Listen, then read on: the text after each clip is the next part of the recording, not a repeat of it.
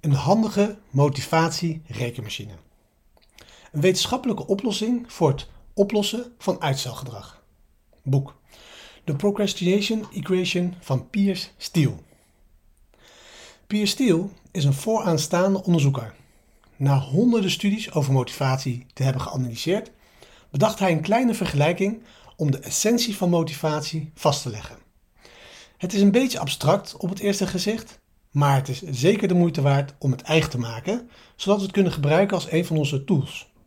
Ik raad aan om de vergelijking bij de hand te houden en het vaak te gebruiken, want dan kan je zien waar je motivatie afneemt en hoe je het sterker kunt maken. De vergelijking. M is V maal W delen door I maal V. Motivatie is dus de verwachtingen M maal waarde, W, gedeeld door impulsiviteit, I, maal vertraging. Verwachtingen maal waarde gedeeld door impulsiviteit maal vertraging. Ik zal het uitleggen. Het eerste dat opvalt voor de niet-wiskundigen onder ons, als je meer motivatie wilt hebben, kun je maar beter een grote teller en een kleine noemer hebben. Met andere woorden, we moeten onze verwachtingen en waarden opkrikken terwijl we onze impulsiviteit en vertragingen verminderen. Verwachtingen. Nou, dit is een ongemakkelijk woord voor vertrouwen. Je moet verwachten dat je je doel tot leven kunt brengen. Je moet weten dat je het kunt. Nu kun je wel of niet je doel bereiken, maar je moet in je ziel weten dat het niet alleen mogelijk is, maar dat je ook denkt dat je het kunt.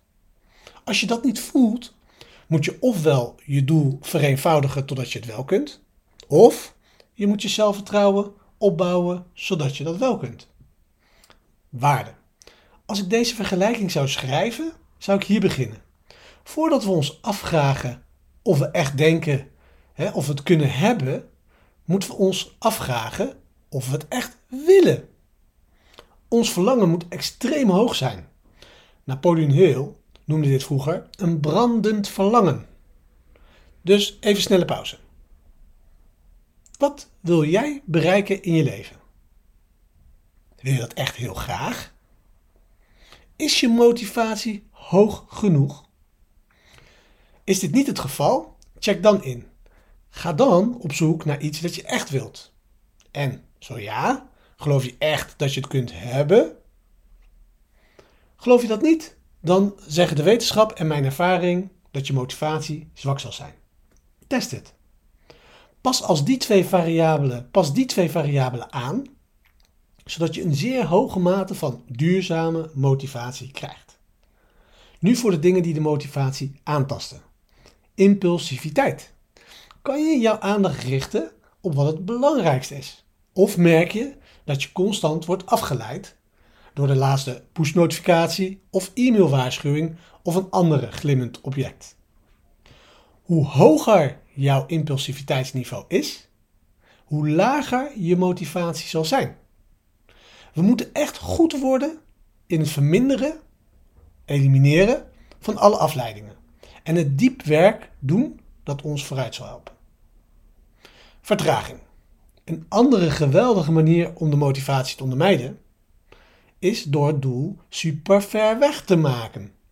Die vertraging helpt niet. Wat is dan de oplossing?